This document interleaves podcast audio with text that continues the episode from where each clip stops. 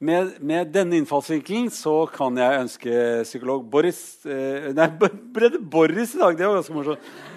Borch Skjøtt, velkommen. Hei. Takk skal du ha. Så flott skal du ha. Eh, og jeg syns det var en grei start. veldig fin. Synes det? Ja. ja, veldig fin.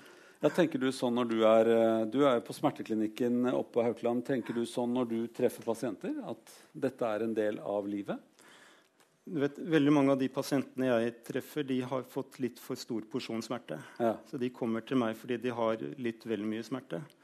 Eh, men ellers smerte er jo en del av livet, og uten smerte så hadde vi ikke vokst opp. Vi hadde ikke klart å overleve, de fleste av oss, uten smerte.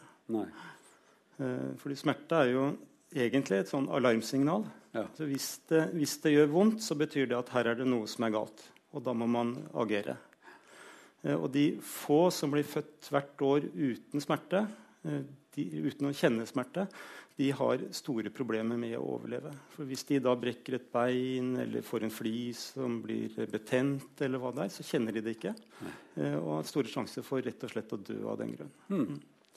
Går det an å si altså, eh, Jeg vet jo svaret, for det har snakket med deg litt før. Men går det an å si at for det, det kan dere tenke på, at det fins en subjektiv smerte som det går an å måle, som er det det kjennes ut som? Eller er det ikke ja, Unnskyld, nå mente jeg objektiv. Altså sånn objektiv. Går det an å måle det, og så vondt er det? Eh, eller er man nødt til å si at det er subjektivt? Det går ikke an å måle smerte. Gjør det ikke det? Det gjør ikke det. Det er kjempeirriterende. Ja, det er det. Eh, For når jeg sier jeg har vondt, så sier ja. min kone veldig ofte at ja, så vondt er det ikke. Ja. Eh, smerte er subjektivt. Ja. Eh, så en veldig vanlig, Den enkleste definisjonen på smerte det er at smerte er det den enkelte sier er vondt. og færre med det. Ja. For Det går ikke an det går ikke an å se på noen om de har vondt. Det går an å se på folk at de uttrykker at de har vondt, men, men, du vet ikke om de egentlig har smerte eller ikke, eller om de bare ønsker å kommunisere noe til det. Ja. Forsikringsselskapene de er veldig lei for det. fordi De vil jo gjerne at man skal kunne måle, fordi da vet man om skal du få utbetaling eller ikke. Ja. Men, eh, og, og, de leter nok etter om det går an å finne, men, men dessverre, det gjør det ikke. Nei. Så øh, smerte er for deg øh, både at det gjør vondt, men like mye hvordan det oppleves? Smerte er alltid en opplevelse. ja. ja. Eh, alltid en opplevelse. Eh, men når du opplever smerte, så er det gått gjennom veldig mange eh, kanaler eller lag. på en måte. Fordi Én ting er at eh, det gjør vondt, la oss si at det gjør vondt i en finger. Da, mm. eh, og da går det impulser gjennom armen, bak til ryggmargen, oppover til hjernen. Og så går det ut til ulike deler av hjernen. Og det første du må gjøre, det er å kjenne igjen at hm, dette er vondt. Mm. Og hvis du ikke kjenner igjen det som vondt, så undertrykker du det. Eh, og når du så kjenner at det er en smerte, så gir du det en eller annen betydning. Du, Aha, dette er smerte. Er det farlig? Og hvis du da tror at det er farlig, så blir den forsterket. Eh, og hvis du tror det er veldig farlig, så kan det godt hende at du også blir ikke bare redd, men at du blir lei deg og du blir trist. Og så kommer den smerteatferden, altså hvor du kan se om jeg har det vondt eller ikke. Eller om jeg uttrykker om jeg har det vondt eller ikke. For jeg har jo ofte gjort sånn at jeg har gjort noe dumt, og så Å, der skar jeg tvers gjennom tomaten. Ja. Og så etterpå ser jeg Å, fingeren min. Altså, man, kan, man kan se at man har, man har, påført seg selv smerte uten å egentlig vite det. Så det er når jeg oppdager Oi, skar jeg meg? Det var fryktelig dumt. Og, og plutselig gjør det vondt. Så det er, det er, altså, du må ha en tilleggsopplevelse i tillegg til, til det som nerven forteller deg. Ja, det, det er det vanlige. Ja. Eh, og så er det også det at Når du skjærer tomaten og også fingeren, så går de pulsene som eh, sier at du holder en tomat, de går kjapt opp. Ja. Men smerteimpulsene de er litt treigere. Så de, ja. de, er ikke så raske. Og Det er jo litt rart, men smerteimpulser de tar lengre tid for å gå hele veien til ryggmargen og hjernen og så ut. Ja, for jeg, jeg vet jo litt om uh, som lege at det, der, det mm. dempes jo veldig mye. Den første reaksjonen er at du kommer gjennom. Men så driver nervesystemet vårt og sier ja, nå har jeg hørt det, eh, kan du være stille litt? Grann, sier den til nervecellen. Og så liksom blir det dempet. Akkurat som de gjør med andre nerveting. At uh, man får en impuls, og hvis den er den samme impulsen hele tiden, så sier den ja, dette vet jeg, Ja, vi vet det. Ja, ja, ja. Og mm. så uh, blir den liksom dempet litt. Ja. Eh, dette er jo det som de fleste av oss tror er ordentlige smerter. Det at man skjærer seg eller stikker seg, eller det gjør du, du, vet, for du kan se det, at det gjør vondt. Mm. Um, det er også e, det er en slags én type smerte. Ja. Så er det en litt sånn dypere smerte som er mer inni, mer sånn Og den kjennes ofte ikke så stikkete, men litt mer sånn rund, litt tyngre, litt verkende, kanskje. Ja, er du inni kroppen nå? Nei, nå er, er jeg fremdeles inni her, men det er ja. Dypt trykk. Sånn at, at det, er, det, er, eh, klemming, eller altså klemstring, eller sånn.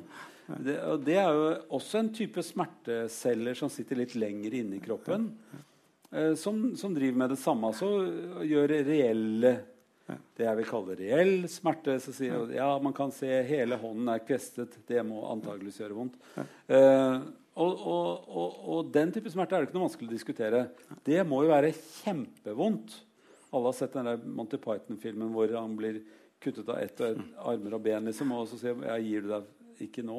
Altså, det, er, det, er, jo noe sånn krigsgrusomheter som man tenker det er vondt. Men så er det en sånn en annen type mer indre smerte som er litt mer vanskelig å få tak i. Det som, kan, det som er inni, inni, kroppen eller inni mm. hodet eller altså mm. eh, Som kanskje er at ting strekker altså Hvis man har vondt i magen, så er det jo vondt, det òg. Ja. Så nå, nå, snakker du om det som kommer fra indre organer. Nå snakker jeg indre organer. Ja, ja, som ikke er så tydelig og klar. Eller det kan komme fra hjertet. eller hva som helst. Man vet jo selvfølgelig når man har spist noe mm. vondt, eller noe som ikke er bra for en, og man mm. får mye gass i magen, eller noe sånt, så sprenger det jo på. Alle kan skjønne at det er vondt, men det er ikke så lett å se. Nei. For det er jo på kroppen så har vi veldig klare og tydelige smertesignaler. Der vet vi omtrent akkurat hvor det er og hvor det kommer fra. Men når man går inn i kroppen, så er det ikke så tydelig.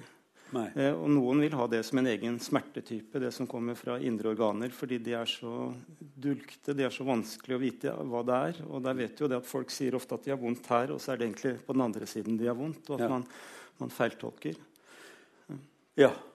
Og mm. den smerten er det ikke så lett å se at folk har vondt. Bare, øh, og så forvirres det jo også at man kan mm. få vondt mm. fra et annet sted enn der man har vondt. Altså hvis jeg, Når man gruer seg til ting, så kan man få vondt i magen, og gruing er jo ikke et sted. Nei. Sånn at øh, det kan føre til at du får vondt i magen selv om du egentlig gruer deg. Men den vanligste smerten, eller kanskje de to vanligste smertene, nei, den vanligste smerten, det er faktisk smerte fra muskler. Ja. Eh, og smerte fra muskler er også veldig vanskelig å se. Altså, ja. Folk kan ha usedvanlig sterke smerter fra muskler og føle seg helt hemmet, klarer ikke å gå, klarer ikke å bevege seg. Og det klarer man ikke å se. Nei. Og de får jo en type tilleggsbelastning for eh, Skal jeg tro på folk som sier at det er vondt, men ikke kan se at de gjør det vondt? Det tror jeg du skal. For eh, jeg, eh, jeg, kjenner igjen det veldig godt. Jeg hadde, var, var, veldig kjekk og, og, hadde ridd en del i Norge før jeg kom til England på en sånn kostskole da jeg var 16 år. Eh, og, og, hadde en hel dag med riding med en hest. Og dagen etter kunne jeg ikke gå. Jeg kunne rett og slett ikke bevege meg uten at det så latterlig ut. Og kunne ikke løpe etter bussen og sånne ting som man skulle om man var 16 år. Og det har gjort at jeg har fått veldig respekt for folk som har sånn aching pain, altså sånn, sånn vondt, vondt, i musklene-smerter. Mm. Fordi at bare ved å ha litt sånn treningsverk og sånn, så ser man også helt latterlig ut. Ja. Når man er frisk og kjekk. Ja. Og de som har den type smerte, noen av de har smerter som eh, vedvarer veldig lenge. Sant? Og når de smertene vedvarer, så får de også aktivert det vi kaller triggerpunkter. Og triggerpunkter er sånne punkter som er litt vonde å ta på, men hos dem så blir de ekstremt vonde. Og da kan de gi inntrykk av at det kjennes ut som det er noe helt annet. Altså, noen har sånne triggerpunkter i halsen som gjør at de tror at det er noe feil inni kjeven deres. For det kjennes ut som noe sprenger eller ødelegges. eller sånn inni der. Og når de prøver å fortelle folk hva de tror de feiler, så høres det jo helt rart ut. Ja. Men det er vondt likevel. Men, men, det er kjempevondt. Men da må du som har en sånn jobb, du må jo begynne å analysere hva det kan være, og gi folk flere alternativer. da. Ja. Eh, nå er jeg heldig fordi jeg jobber sammen med flinke leger og fysioterapeuter. Så de kan finne ut litt sånne ting for meg, hvor jeg kan spørre hva er, er det egentlig noe. Så kan de si ja, det er noe. Vi har funnet noe. Eh, men eh, jeg, jeg tror på alle som sier til meg at de har vondt. Eh, og jeg har lært meg at nytter ikke som vi snakket om i sted, å se på folk om de har vondt eller ikke. Mm. Fordi noen har usedvanlig vondt, men de har lært seg å ikke vise at de har vondt. Mm. Eh, og jeg har til og med hatt pasienter som jeg har jobbet hardt med for at de ikke skal vise at de har vondt, fordi de syns det er så slitsomt at alle går rundt og syns synd på dem hele tiden. Ja. Eh, så noen av dem har blitt skikkelig flinke til å ikke vise at de har det vondt. Ja. Men den dagen de får en veldig alvorlig sterk smerte, så har de problemer. Eh, jeg ser for meg en jeg tenker på nå, som kom til legevakta og sa at nei, nå er det så vondt at nå må jeg ha noe sterk uh, smertestillende. Mm. Og Da sier legen at nei da, eh, det går nok over. Bare gå hjem igjen, du skal du se. For han så ikke ut som han hadde smerter i det hele tatt. Mm. Mm. Men det er jo vanskelig, for at vi vi trenger jo også å vite uh, hva slags type vondt folk har. For det er jo, man trenger ulike typer medisiner. Men man trenger veldig ulik type behandling også. tenker jeg. Altså Hvis du har vondt i musklene, og, har, og du får vite at ja, han har ridd på hest en dag og har ikke ridd på en stund, eller har trent med, med latterlige vekter på en, på en utrent kropp, så kan jo legen si ja, det tar akkurat to dager, og så begynner du å komme deg igjen. Og det er veldig dumt å ta noen smertestillende. Men du må jo begynne å analysere på hva det kan være. Og der er det et sånt hierarki hva man får poeng for som pasient. Du får veldig få poeng for ting som er psykisk. Ja. Hvis du har noe psykisk vondt, ja. veldig få poeng. Har du et brukket, brukket ben, så får mm. du veldig mange poeng. Ja. Så jeg, det er jo, det her må vi jobbe med hva man får poeng for. syns jeg. Altså, du sier at vondt er vondt. Du får like mange poeng bare du har vondt. Og en av de som går under betegnelsen psykisk, er jo typisk sånne diagnoser som fibromyalgi, som har veldig lav status. Ja. Eh, og det er usedvanlig urettferdig. Mm. Eh, fordi det plager og det smerter. Og folk som har de type lidelser, har ofte også veldig mange andre plager i tillegg. Altså vet, Muskelsmerter, så har de ofte magesmerter og søvnproblemer. og utslitthet, utmattethet. Og det skal vi ta på alvor. Altså. Eh, og dette her har en lang historisk tradisjon. Altså, dette her er det vi kaller dualisme, hvor vi har delt kroppen i sjel og så i kropp. Mm. Vi har delt kroppen i kropp og sjel. Ja. Ja. Eh, du møter deg selv i døra der, minst. Jeg, jeg, gjør det. Ja. Eh, og så har liksom sjelen det har vært utafor vitenskapen, og kroppen har vært i vitenskapen. og Derfor er det litt heltmodig hvis du har mistet et bein og har vondt i det beinet du ikke har. For eksempel. det er greit. Mm. Men hvis du sier at du har vondt i en muskel som folk ikke forstår, det er ikke det så greit. Og spesielt ikke hvis de tror at det er fordi du er deprimert, og da har du det enda verre. Mm. Så det er en kjempeutfordring vi møter i helsevesenet. Men vi er jo nødt til å dele litt opp, da. Så jeg har gjort det eh, i denne samtalen. Jeg tenkte vi kan begynne med det som er litt, mm. litt mer synlig. Altså Som har f.eks. med, med muskel-skjelettplager, ja. som jo er verdens største folkesykdom, i hvert fall her i den tredje verden. Mm. Altså at folk har vondt i muskler og ledd og bein og alt det der som har med bevegelse å gjøre. Noen ganger så er jo det veldig alvorlige sykdommer som trenger mye behandling. Men andre ganger så er det jo sykdommer som er, gjør veldig vondt, men som man kan gjøre en del med selv. Det med å gjøre selv er jo ofte litt upopulært. Er det ikke det? Det er litt lav status det også, å si at du må gjøre noe selv. Ja. F.eks. hvis du har vondt for å puste og røyker fryktelig mye, så er det å slutte å røyke det er en gjør det selv-ting. Og det får lav status. Ja, ja. Det er et veldig viktig, kjempevanskelig område du snakker om, fordi det er så mange avskygninger her. Men det er klart at hvis jeg har vondt, så vil jeg helst gå til legen og få ordna opp i det. Ja. Og jo fortere, jo bedre. Jo fortere, jo bedre. Og hvis legen da sier at nei, dette må du lære deg å leve med, så tror jeg at jeg hadde blitt skikkelig irritert på det. Ja, men det ville jeg også blitt. Ja, jeg ville sagt hva er du for slags lege, egentlig? Ja, ja. Lære seg å leve med er jo litt sånn dumt ta deg sammen-ting. Uh, ja, ja, riktig, riktig. Og er det noen av de, de, de har prøvd, de som virkelig har vondt og går til legen gang etter gang, så er det det å prøve å ta seg sammen. Ja. Og det er så mye skyldfølelse ute blant folk for de smertene man har. For de tenker at alle sier at 'jeg skal ta meg sammen', så blir det bedre. Og da er det vel min skyld. Mm. Kanskje ikke tenker positivt nok, er det noen som tenker til og med. Mm. Som om det skulle være løsning på det hele. Ja. Eh, så Min erfaring er at eh, det ofte er vanskelig å finne ja, hva skal jeg gjøre for å bli bedre. Mm. Eh, men jeg har veldig mange råd til de fleste på hva de faktisk kan gjøre når jeg forstår smertetilstanden deres litt ja. bedre. For veldig ofte er det mye man kan gjøre. Hva sier du til folk som har generelt vondt i musklene sine? Eh, et viktig budskap er at hvis du har vondt i musklene, så er det nesten alltid viktig med aktivitet. Mm. Det kommer på å gjøre selv-tingen. og det, ja, det, det er på å gjøre selv-tingene.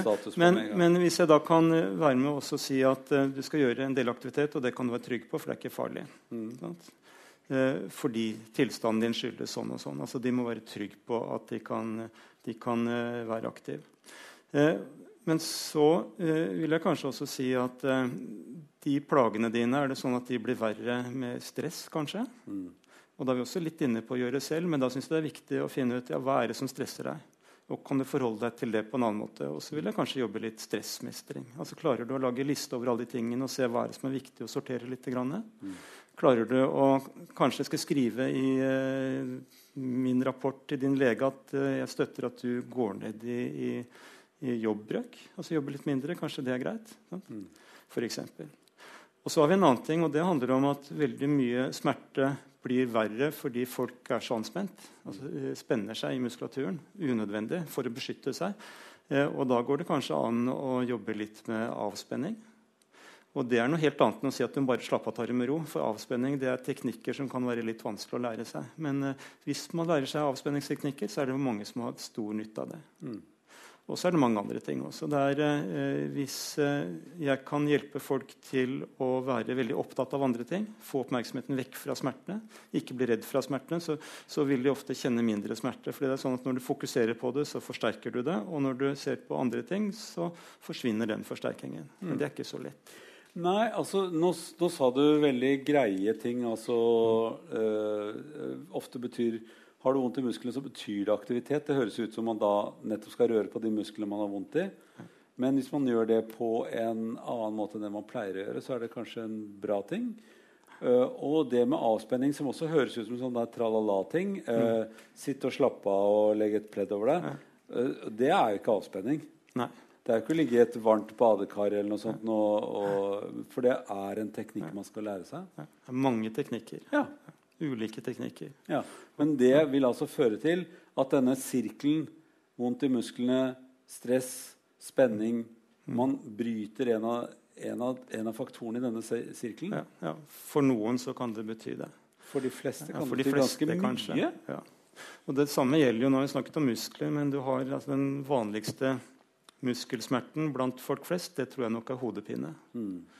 Eh, og den vanligste hodepine, det er muskel selv om du får mye flere poeng hvis du har migrene. Altså, ja. Det er jo kjempeflott å ha migrene. Ja, ja, det er ikke noe gøy å ha muskelhodepine. Nei. Nei. Hva gjør du med det, da? Eh. Kan du gi like mange poeng til en som har muskelhodepine? Jeg, jeg gjør jo det, da. Eh, hvis det er greit.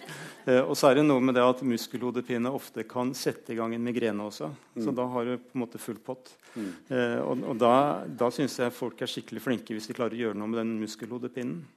For igjen er det vel å bryte denne sirkelen hvor det blir verre av ja. altså Det er flere faktorer som gjør det verre og verre. Ja. Og hvis du klarer på en måte å rekke opp de der faktorene og ja. gjøre de litt mindre, så kan hele spiralen begynne å, å gå den riktige veien. Det er riktig. Det er riktig.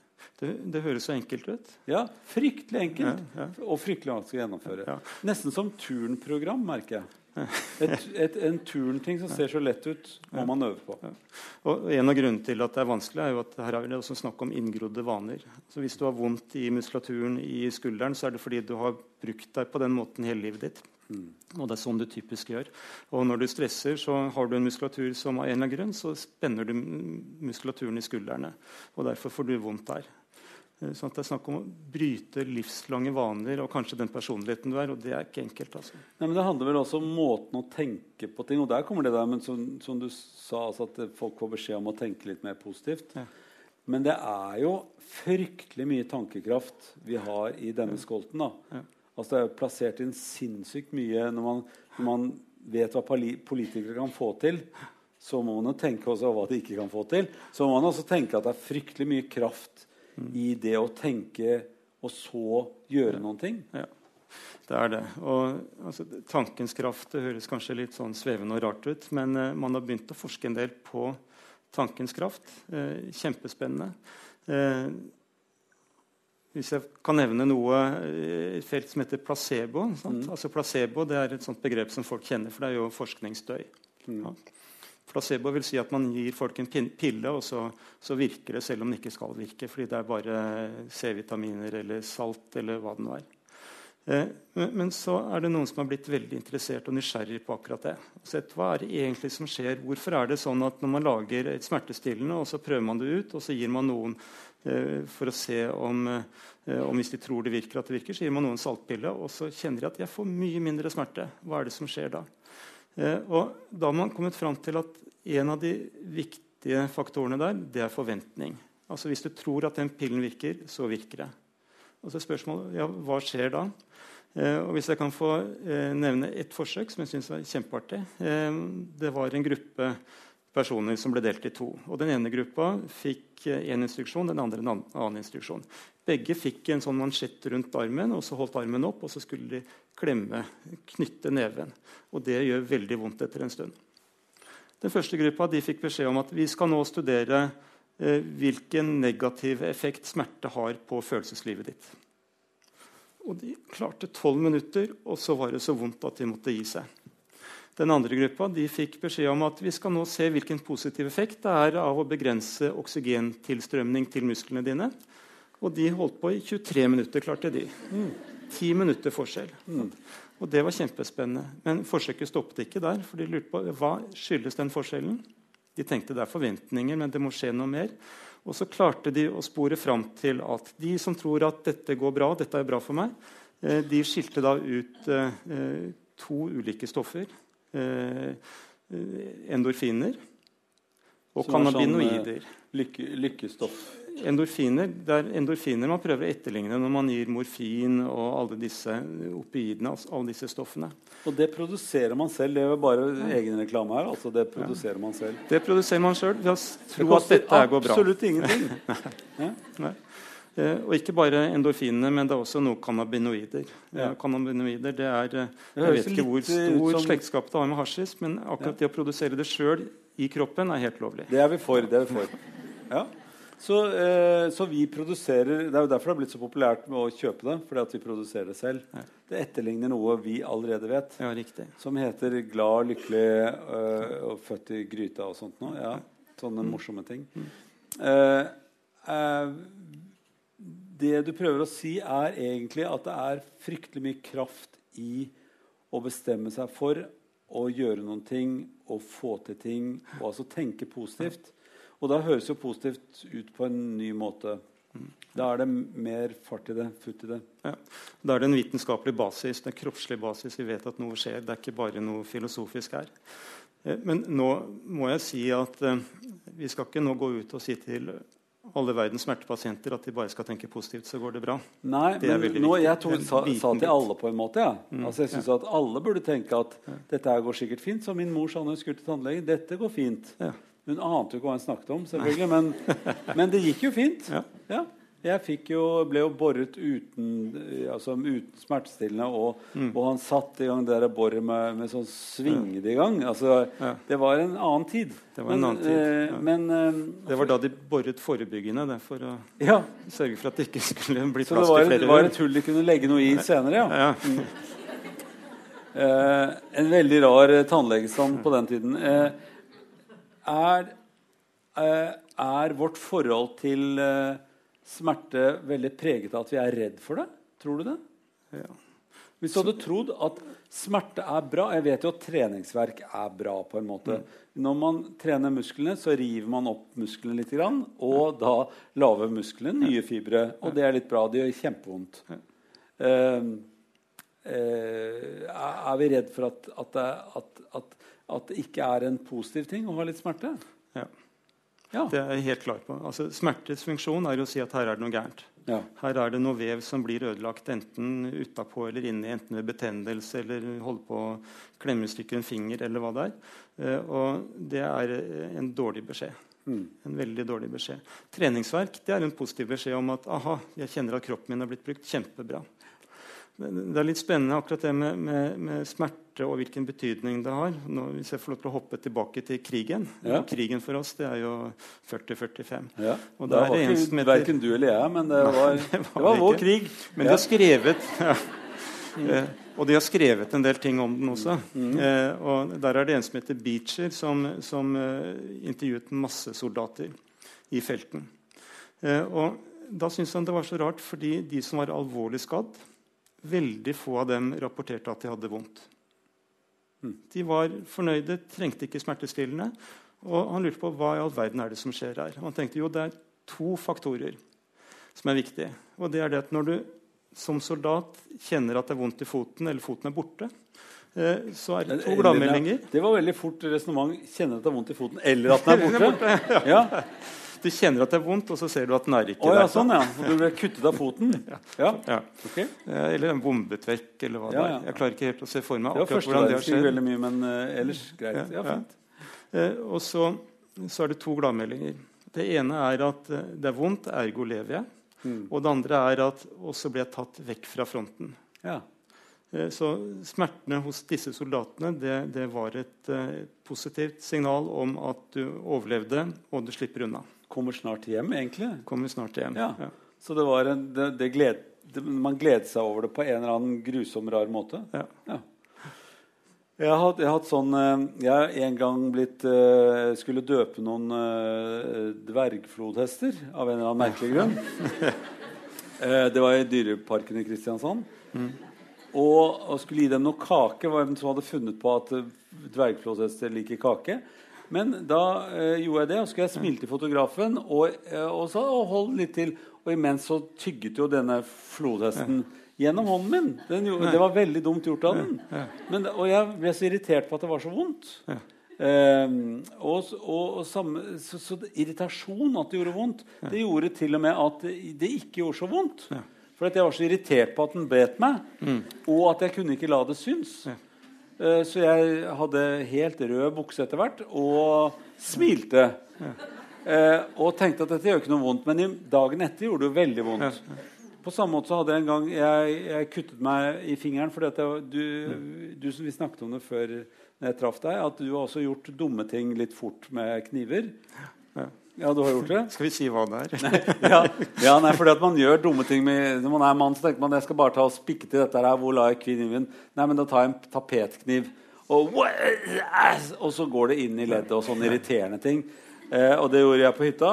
Og da fant jeg ut nå må jeg, fordi det er over et ledd, så må jeg nesten sy det. For ellers så står det og spriker hele tiden hver gang jeg flytter fingeren. Så jeg måtte inn og sa til hun kirurgdamen, en glad kirurgdame Sy denne her, og jeg skal faen meg ikke ha noen bedøvelse. Mm. Så jeg var sinna på meg sjøl, eh, for jeg ville kjenne da hvordan det kjentes å bli sydd. Det er jo like vondt å få bedøvelse som det er å bli sydd. Men det er det ikke de, de syns det er bare kjempedeilig å få bedøvelse. Da får du jo tre stikk i det minste. Når du skal sy det med en nål, så syr man inn og ut igjen. Det som var vondt, det var jo ikke å sy inn og ut. Mm. Men det var at man dro i såret. Og, og dro og knyttet sammen og alt det der. Så jeg ble jo veldig bevisst på hva det var som skjedde. Og veldig rart. Jeg mm. syns ikke det gjorde så veldig vondt. Jeg syns jo du var usedvanlig tøff som turte det. Nei, men det, det skal du ikke synes, skjønner du. For jeg sier selv at det var ikke noe tøft. Jeg var forbanna. Ja. Okay, ja. Så hvis man er mer sinna på, på den isolerte smerten Jeg hadde jo bare vondt akkurat i den fingeren. Så jeg var jo bare sint på den fingeren og hvor dum jeg hadde vært. Så da tenker jeg jeg klarte å bruke det til noe annet. Jeg lurer på om det går an. Hvis man har en begrenset smerte, går det an liksom å zoome inn og bare si at det er bare der det er vondt? Ja, Det går også an. Delvis? Eh, ja, fordi Noe av det du gjorde, hører det er det at du, eh, du lagde smerten til noe annet. Mm -hmm. Og så så du den litt på avstand, mm. og så betraktet du den på en uh, trygg måte. Jeg tror ikke du bare var forbanna. Du var veldig nysgjerrig også. Ja. Ja, og da skjer det noe helt annet. Eh, for da, da, skjer det, det at du også får en type kontroll. Altså, du har jo kontroll over det hele. Ja. Eh, og, og det, det, minner meg litt på hva, hva som skjer når man eh, bruker hypnose i forhold til smerte. Mm. Eh, det er kjempespennende. Eh, hypnose er noe som folk tror veldig mye om, men som er noe helt annet. For når man er hypnotisert, så vil det man opplever, er det at du er eh, kontrollert, avspent, ser ting ofte litt på distanse. Ja. Eh, og det har man brukt i smertelindring i lange lange tider. Altså 1800-tallet, 1850, så var det en, en uh, britisk kirurg i, i, India, Estale, som uh, som var kjent for å ha veldig mange av hans pasienter som overlevde. fordi da var det sånn at Fire av ti de døde av operasjoner på den tida der. Eh, mens han hadde bare 5 dødelighet. 5? 5 ja. Det var bare 5 av 100. Og han hadde masse store inngrep. Og det han gjorde, var at han hypnotiserte sine pasienter. Eh, flere tusen av dem. 300 kjempestore inngrep hvor han fjernet store tumor i mage-bekken-regionen. Og hvor han eh, amputerte og gjorde virkelig store inngrep. Og, men han, han hypnotiserte. Mm. Eh, og da kjenner du jo smerte, men smerten blir noe helt annet. Det blir litt sånn som du forteller, at det blir noe interessant som du ser på på en helt annen måte. sånn at det blir noe der borte, og ikke, ikke noe her inne som kjennes vondt. Mm utrolig interessant. Så det der, uh, Man kan på en måte lære seg til å få mer makt over smerten. da. Ja. Altså Hvor smerten ikke blir noe diffust, rart som bare er der, mm. og som invaderer deg, men som du kan få mer kontroll over. Ja.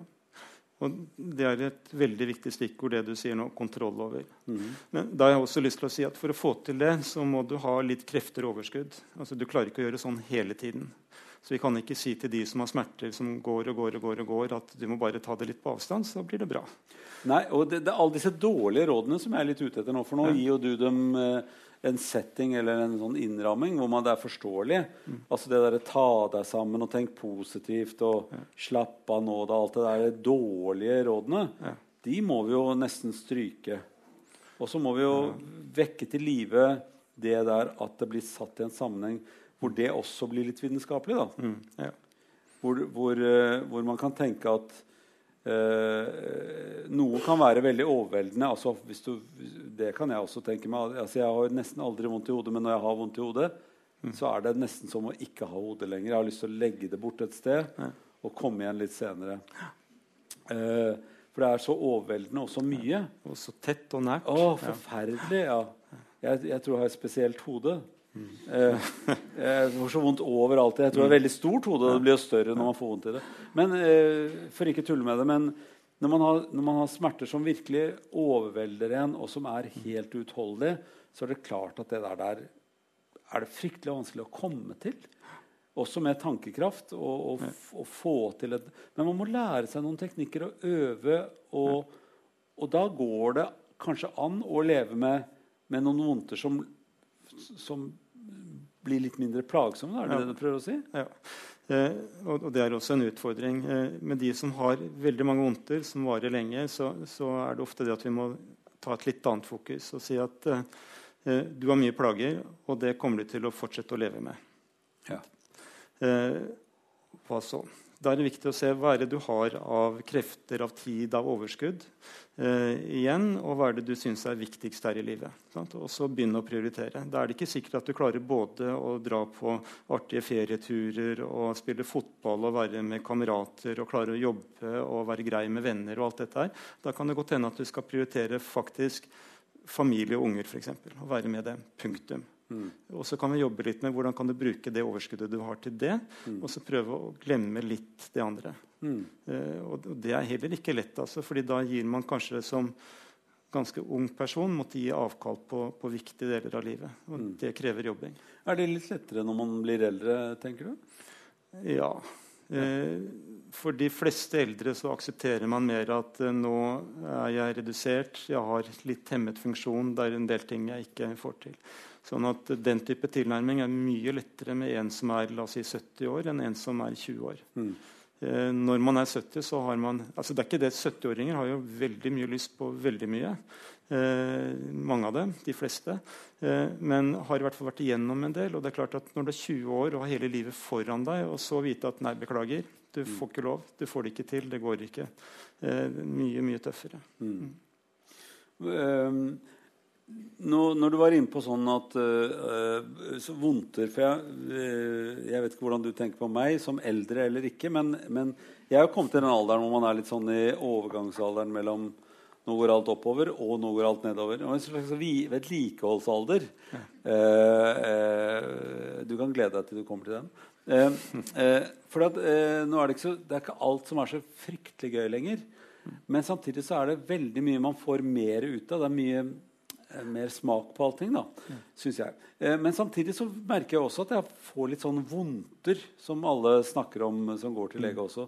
De har litt vondt, og det flytter litt. Og jeg merker når jeg løper at jeg får litt vondt i den ene foten. Mens der ble det borte igjen, gitt. Så rart. Og nå er det litt vondt der, men nå ble det borte òg. Um, så det, det, kan flytte seg. Og er ikke, man er litt sånn støl om morgenen og alt det der. Men det tror jeg det går an å kanskje angripe på en litt mer sånn det som er sånn positiv måte. da, Å si at ja, det er en del av det å leve. Mm. Igjen det jeg sa i starten, at smerte på en måte er en del av livet. Og hvis det ikke er mer enn dette, så skal jeg klare det. Ja. Har, har du, har, hva slags filosofi har du over sånne ting?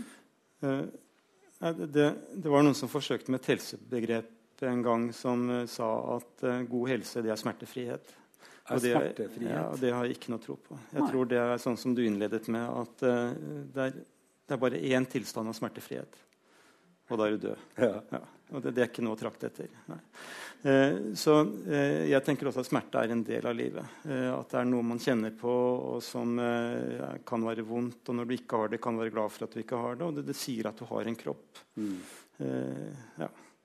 Er vi, er vi, blitt reddere for det nå for tiden, hvor eh, alt skal være så både quick fix og smerteløst? Ja, det tror jeg. Eh, og ikke minst fordi hvis du har vondt et sted, så kan du gå på Internett og du kan google det, og du kan se det at jeg har vondt i kneet, er det noe farlig? Og så kan du si at ja, det kan hende at det er en beinkreft. Mm. Ser du kanskje et sted. Mm. Og da blir du jo veldig redd. Mm. Eh, og vi har jo veldig mange som oppsøker leger for vondter de er redd for, men som ikke er der. Mm. Så, så, sånn sett så, så, så, ser du at vi blir mye mer oppmerksom på å redde for vondter, og jeg tror at det gjør oss mye dårlig. Ja. Eh, hva skal vi gjøre med det? Nei, eh, ikke skal, google det? Ikke google det. det. Jeg tror det er lurt å vite at mye av det vi finner på, på, disse nettstedene, enten så er det skrevet av folk som ikke har peiling, eller så er det skrevet på en spesiell måte for fagfolk. Ja, for når jeg googler, så leser jeg jo bare å ja, det var en veldig dum måte å si det på, men eh, jeg mm. kan ta det med til eh, denne samtalen. Men eh, det er jo mye som står på nettet som er ganske lite silt. da. Ja.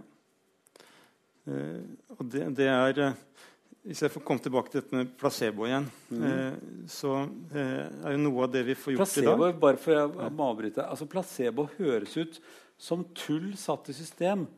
Jeg synes det er et veldig dårlig rykte. Placebo er noe ordentlig, er det ikke det? Placebo er noe ordentlig. Ja, for, jeg, jeg, for meg er det noe ordentlig. Ja, ja.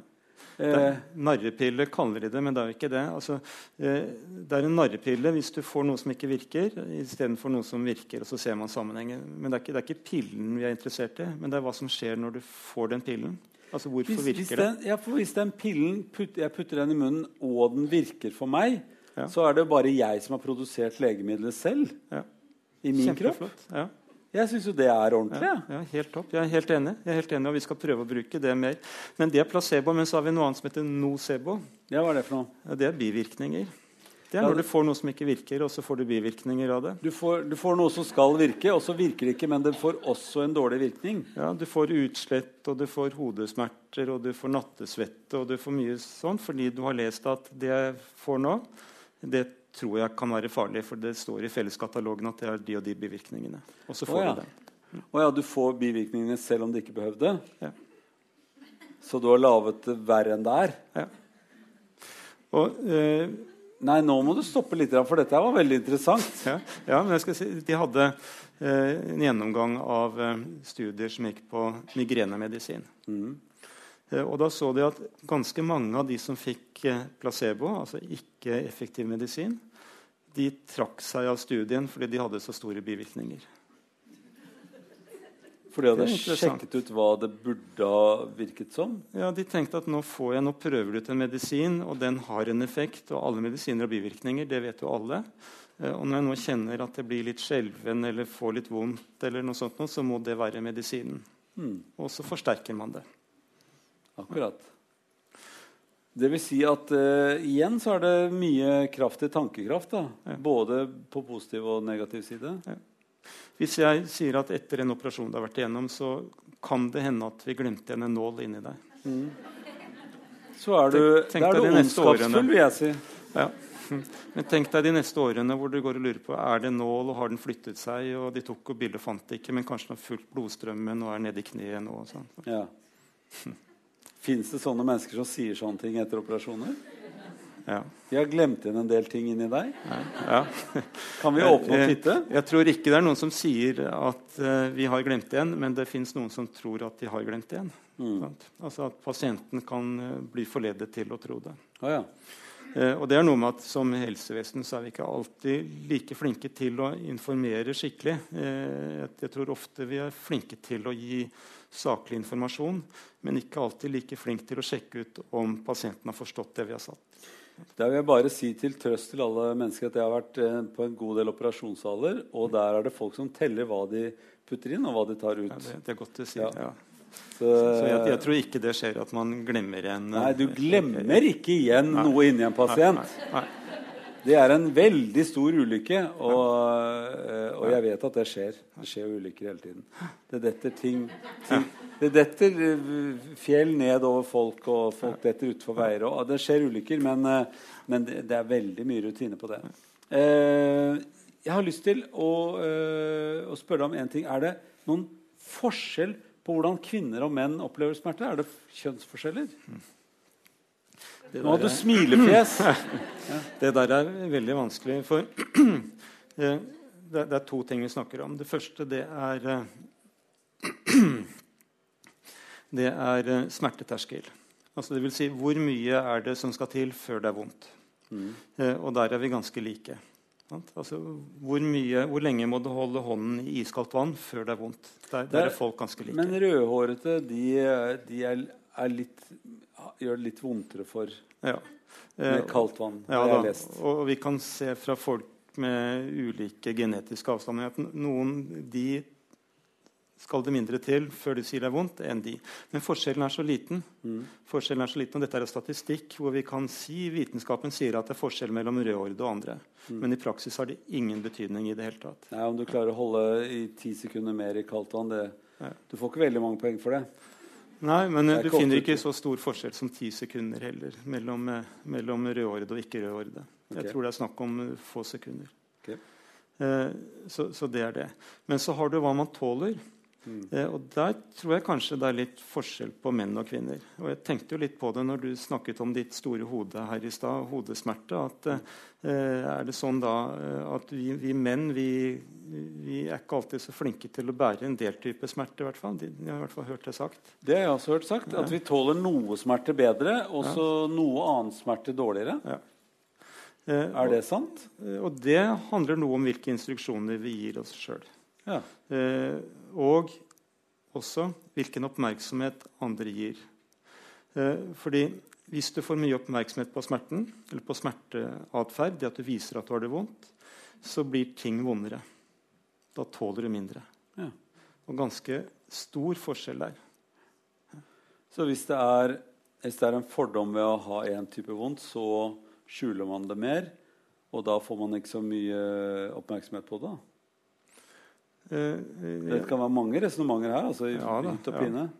Altså hvis man har hvis man, hvis man har en sånn ting som da menn syns er fint at man har vondt, Mm. Som er litt sånn brekk eller stikk eller skjær eller noe sånt. Ja. Som er litt sånn krigeraktig. Da får man kanskje litt uh, opp, uh, mer oppmerksomhet på det, og man trenger å vise det veldig lite. Og det, ja. man syns ikke det gjør så vondt som det burde gjort. Ja, Det blir mer omvendt, at du viser det mer fordi du får mye oppmerksomhet viser det. Mer, får mye oppmerksomhet, og jeg vet og kjenner hva, det vondere. Det kjenner det vondere? Ja. Oh, ja, ok. Eh, et, et, klassisk eksempel der er de mennene som har bekymringsfulle ektefeller. Mm. Og det er de som sier 'Stakkars deg, har du veldig vondt nå'. Ja. Sett deg ned, så skal jeg, jeg ser du har det vondt. Sett deg ned, så skal jeg hente en kopp te til deg, og så tar jeg oppvasken og lager et godt måltid til deg. Ja. Hvem er det som sier det? Er det damer? Nei, dette har jeg lest om. Det, ja, det er noen damer jeg har lest om dette her i litteraturen. Ja, for jeg har også hørt at det fins sånne damer som sier sånne ting. Ja. Eh, og de mennene som har den type ektefeller, de tåler mye mindre eh, vondt når ektefellen er til stede. Når ektefellen er borte, så tåler de like mye som alle andre. Ja, ja. Og det er altså kjempeinteressant å se. Ja, det er det er, det er, eh, de tåler et forsøk. 120 sekunder klarer folk å holde hånden nede i iskaldt vann. Så Men de den- sitter med iskaldt vann og får en kopp te? Er det det du prøver å si? Men når, når, ja, når kona di kommer, som er bekymringsfull, så tåler du bare 30 sekunder. Ah, ja. Det er utrolig Men hvordan er det med damer, da? Er de pyste på en annen måte?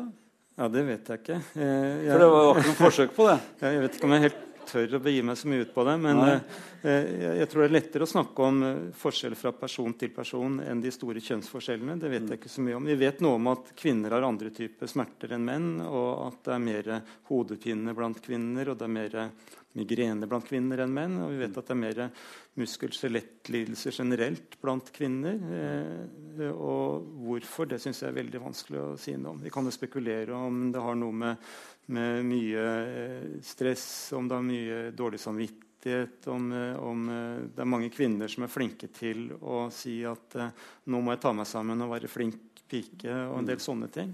For det er jo ikke meningsløst i forhold til at det produserer jo eh, stoffer i kroppen, det òg.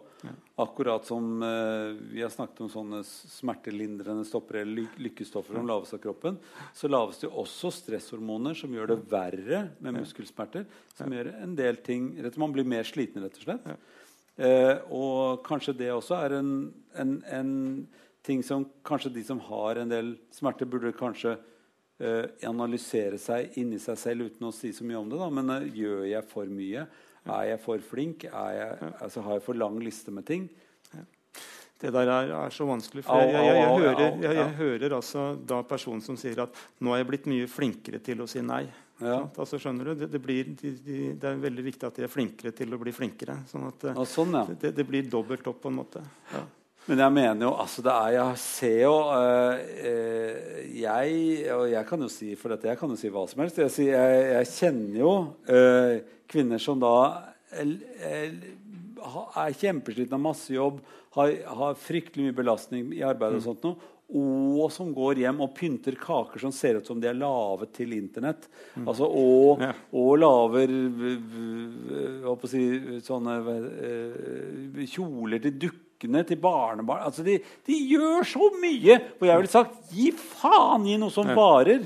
Altså litt, litt, gjort litt sånn. Eh, som jeg vet at damer ikke liker at man sier. Kan du ikke bare gi faen i at det skal være så rent her? Men Ja, hvem skal gjøre det rent da, sier damer. Du gjør det jo ikke, og så har vi det gående. Men hvis hun liker å gjøre det sånn, da er det greit? Hvis det er en egen verdi og tenker at dette gir meg Hun liker å gjøre det sånn. Ja, får nok ros for det, slapper av, ikke har vondt i helt sentrale eh, sånne muskler. Ja. Så må det være helt i orden. Ja, ja. For hvis det er sånn at hun føler at jeg må gjøre det, hvis Ja. ikke så er jeg ikke flink nok, hvis Nei. ikke så stiller jeg ikke opp, hvis ikke så er jeg godt, en god nok mor, eh, ektefelle osv. Da, da, da begynner Skal det det å bli være problematisk. barnebørsta, må det være klippet mønster i duken f.eks. Må det det? Nei, jeg syns ikke det. det er en del, man kan slippe en del ting hvis man er så flink. Nei, det er helt... Det er lett for meg å si, selvfølgelig, for jeg klipper jo aldri duker. Men, men eh, Så der var vi ferdig med kjønnsforskjellen, merker jeg, før vi får hodet full av, av folk som sier ja, det var eh, gøy å være morsom på andres vegne. Men vi er over i noe som eh, i mitt manus jeg kaller for livssmerte. For det er liksom noe som kommer til alle. At uh, du, har det, du har vondt i kroppen, men egentlig har du kanskje vondt i livet. Eller vondt, det, er, det har skjedd mye vondt, vondt i livet ditt. da. Eller for tiden. Eller. For det gjør jo det gjør, altså Kroppen er jo ikke dum. Den kjenner jo hvordan du har det. Og mye blir jo sittende i, i muskler i, i kroppen som smerter, som faktisk er hva skal jeg si, livssmerte. Man kan plutselig få veldig vondt, ikke bare i hodet, men i andre i kroppen generelt, når man har vært gjennom grusomme ting, eller skilsmisse, eller altså mistet eh, noen i familien, eller ja. Eh, har det noe har, har, har, har man, Får man poeng for det? Får man, er det lov å ha sånn vondt? Eller er det bare sånn som livet er, liksom. Ja, hos meg får du poeng. Ja. Eh, men eh, eh, det er Du er, du er, du er- grei, du. Ja. det, det er en vanskelig ting. Mm. Eh, fordi det er ganske uforståelig for folk å skjønne at eh, fordi du ble mobba på ungdomsskolen, så behøver du ikke ha vondt i skulderen når du er 43 år. Mm. Altså, hvordan er sammenhengen der? Men hvis du går og sporer den sammenhengen, så ser du at det kan være en helt forklarlig historie fra mobbingen og fram til smerten i dag. Eh, ofte går det gjennom muskelspenninger, og at, man da får, eh, at det setter seg i kroppen på en eller annen måte.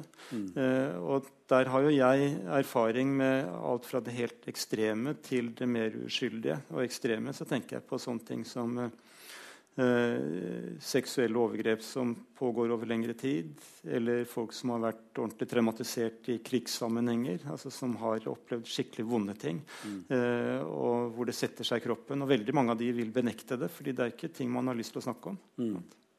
Så du, du kan komme med noe som begynner historien med at du har vondt et sted i kroppen. Og så har du en, egentlig en fortelling som du ikke klarer å forbinde med denne vondten.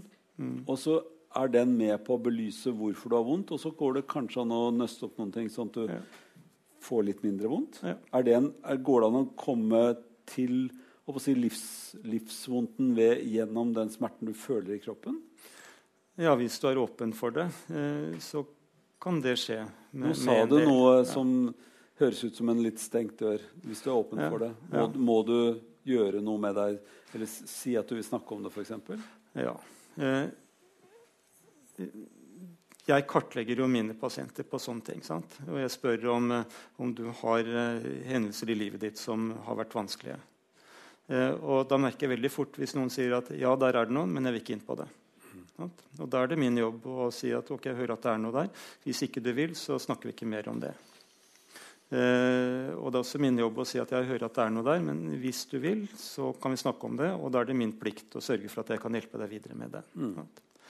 Eh, det er ikke alle dører som må åpnes. Altså, det er en sånn der banal psykologi å tro at du må inn i de innerste kroker og du må skrelle løken helt og komme inn til kjernen og så bygge opp igjen. Sånn er det ikke.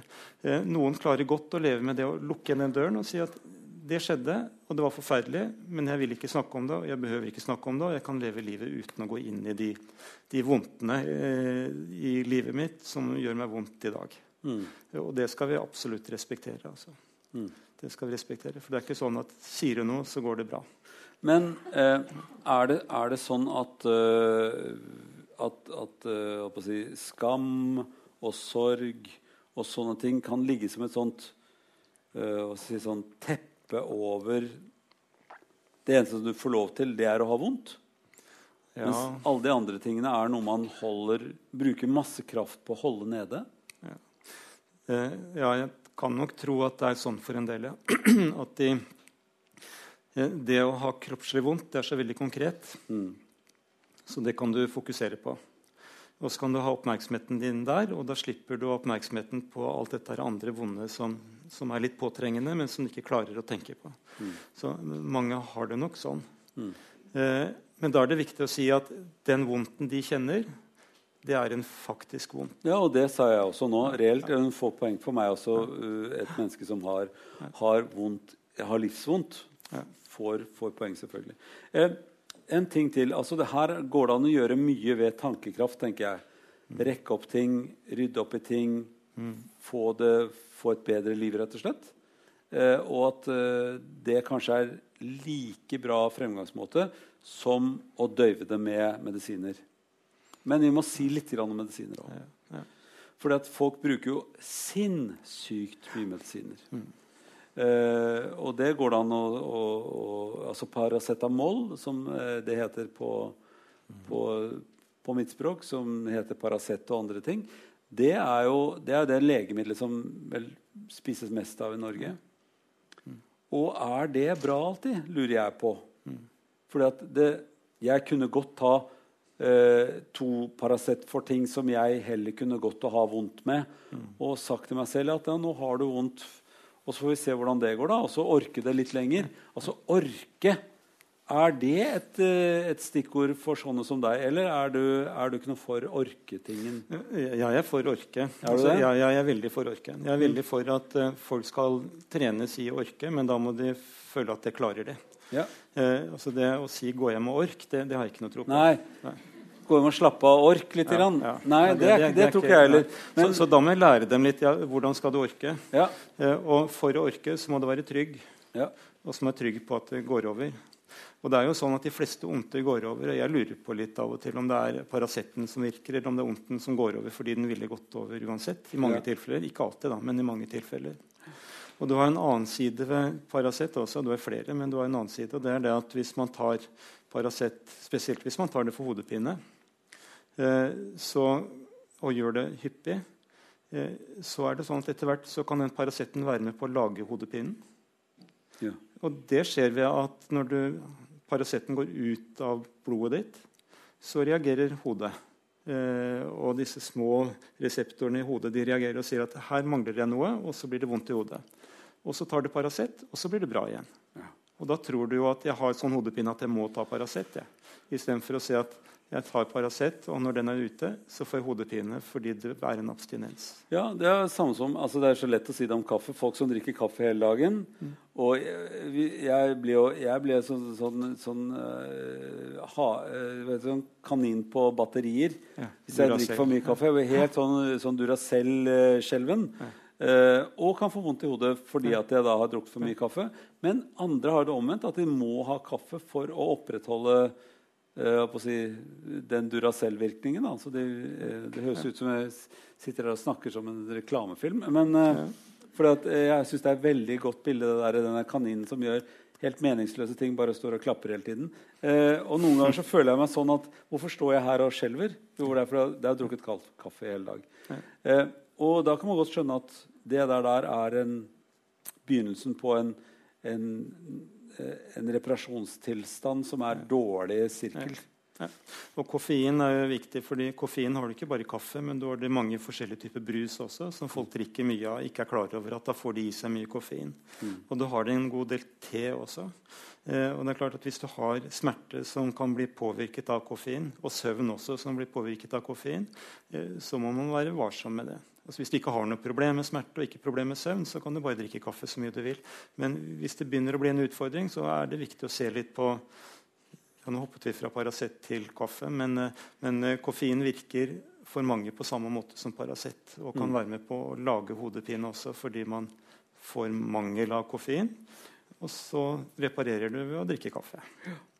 Altså Reparering er jo ikke noe bra generelt hvis man kunne reparere seg selv. Mm. Så kroppen har jo sinnssykt mange muligheter til å reparere mye selv. Mm. Men hvis man går med ting som da eh, Og det må jo folk finne ut selv, om de mm. går med ting som bare er blitt konstant, og det, og det fins en løsning på det, mm. så, så, så, så, får du poeng likevel fordi det har vondt. Mm. Og da er det en sånn reell ting som man må jobbe med. Men hvis jeg får vondt i hodet, bare litt vondt i hodet, mm. Da mener jeg det er stort sett min egen skyld. Og jeg tror jeg vet, hvis jeg tenker på hva jeg gjorde i går, så er det min egen skyld. Ja. Ja. Eh, og da tillater jeg ikke meg selv å, å spise Paracet for å få til å gå over. Mm. Da går jeg og vondter mm. meg. Det er en slags læring. Ja. Er det en gammel måte å være på? Jeg syns det er en helt grei måte å være på. Ja. Men uh, jeg har full forståelse for de som har litt mer vondt i hodet enn det åpenbart du og jeg har. Mm. Uh, og som er paniske etter å finne en løsning, ja, og som så vil prøve ut Paracet. Og når de da ser at det virker, så, så, så har jeg full forståelse for det. Men man må være usedvanlig forsiktig. fordi forekomsten av medikamentindusert hodepine som vi kaller det, den er økende. Mm. Og den er eh, anslagsvis 5-10% av hodepinene skyldes medikamentindusert hodepine. Og da må man kanskje øve seg på å ta litt og litt mindre? da? Er det det som ja. er en del av behandlingen? Ja, den, eh, enten, enten så stopper det tvert og får oh. veldig vondt i hodet, ja. eller så trapper du ned. Mm. Og det spørs hvilken type du er. Noen vil ta den der tvert, og så blir det veldig vondt, og så vil jeg leve med det. Mens andre sier at nei, jeg vil bruke noen uker på å trappe gradvis ned. Mm. Mm. Det er vanskelig. Ja. Det er vanskelig å skille mellom hva som er veldig viktig å gjøre på den ene måten, og hva som er veldig viktig å gjøre på den andre måten. Uh, for folk som har sånn noenlunde kontroll over de smertene de har, da, eller orker å leve med dem, mm. eller orker å ha dem når de kommer og, og går, Eh, de kan jo tenke på én måte, mens de som har smerter som liksom er, begynner å bli sånn utholdelige at man, man, kan, man, kan, ikke ha det sånn. Mm. De krever en helt annen tilnærming. Ja, det er riktig. Mm. Eh, og nå er det jo ikke bare Paracet. Sant? Det er litt koffein. Du har masse andre medisiner også. Du kan jo lure på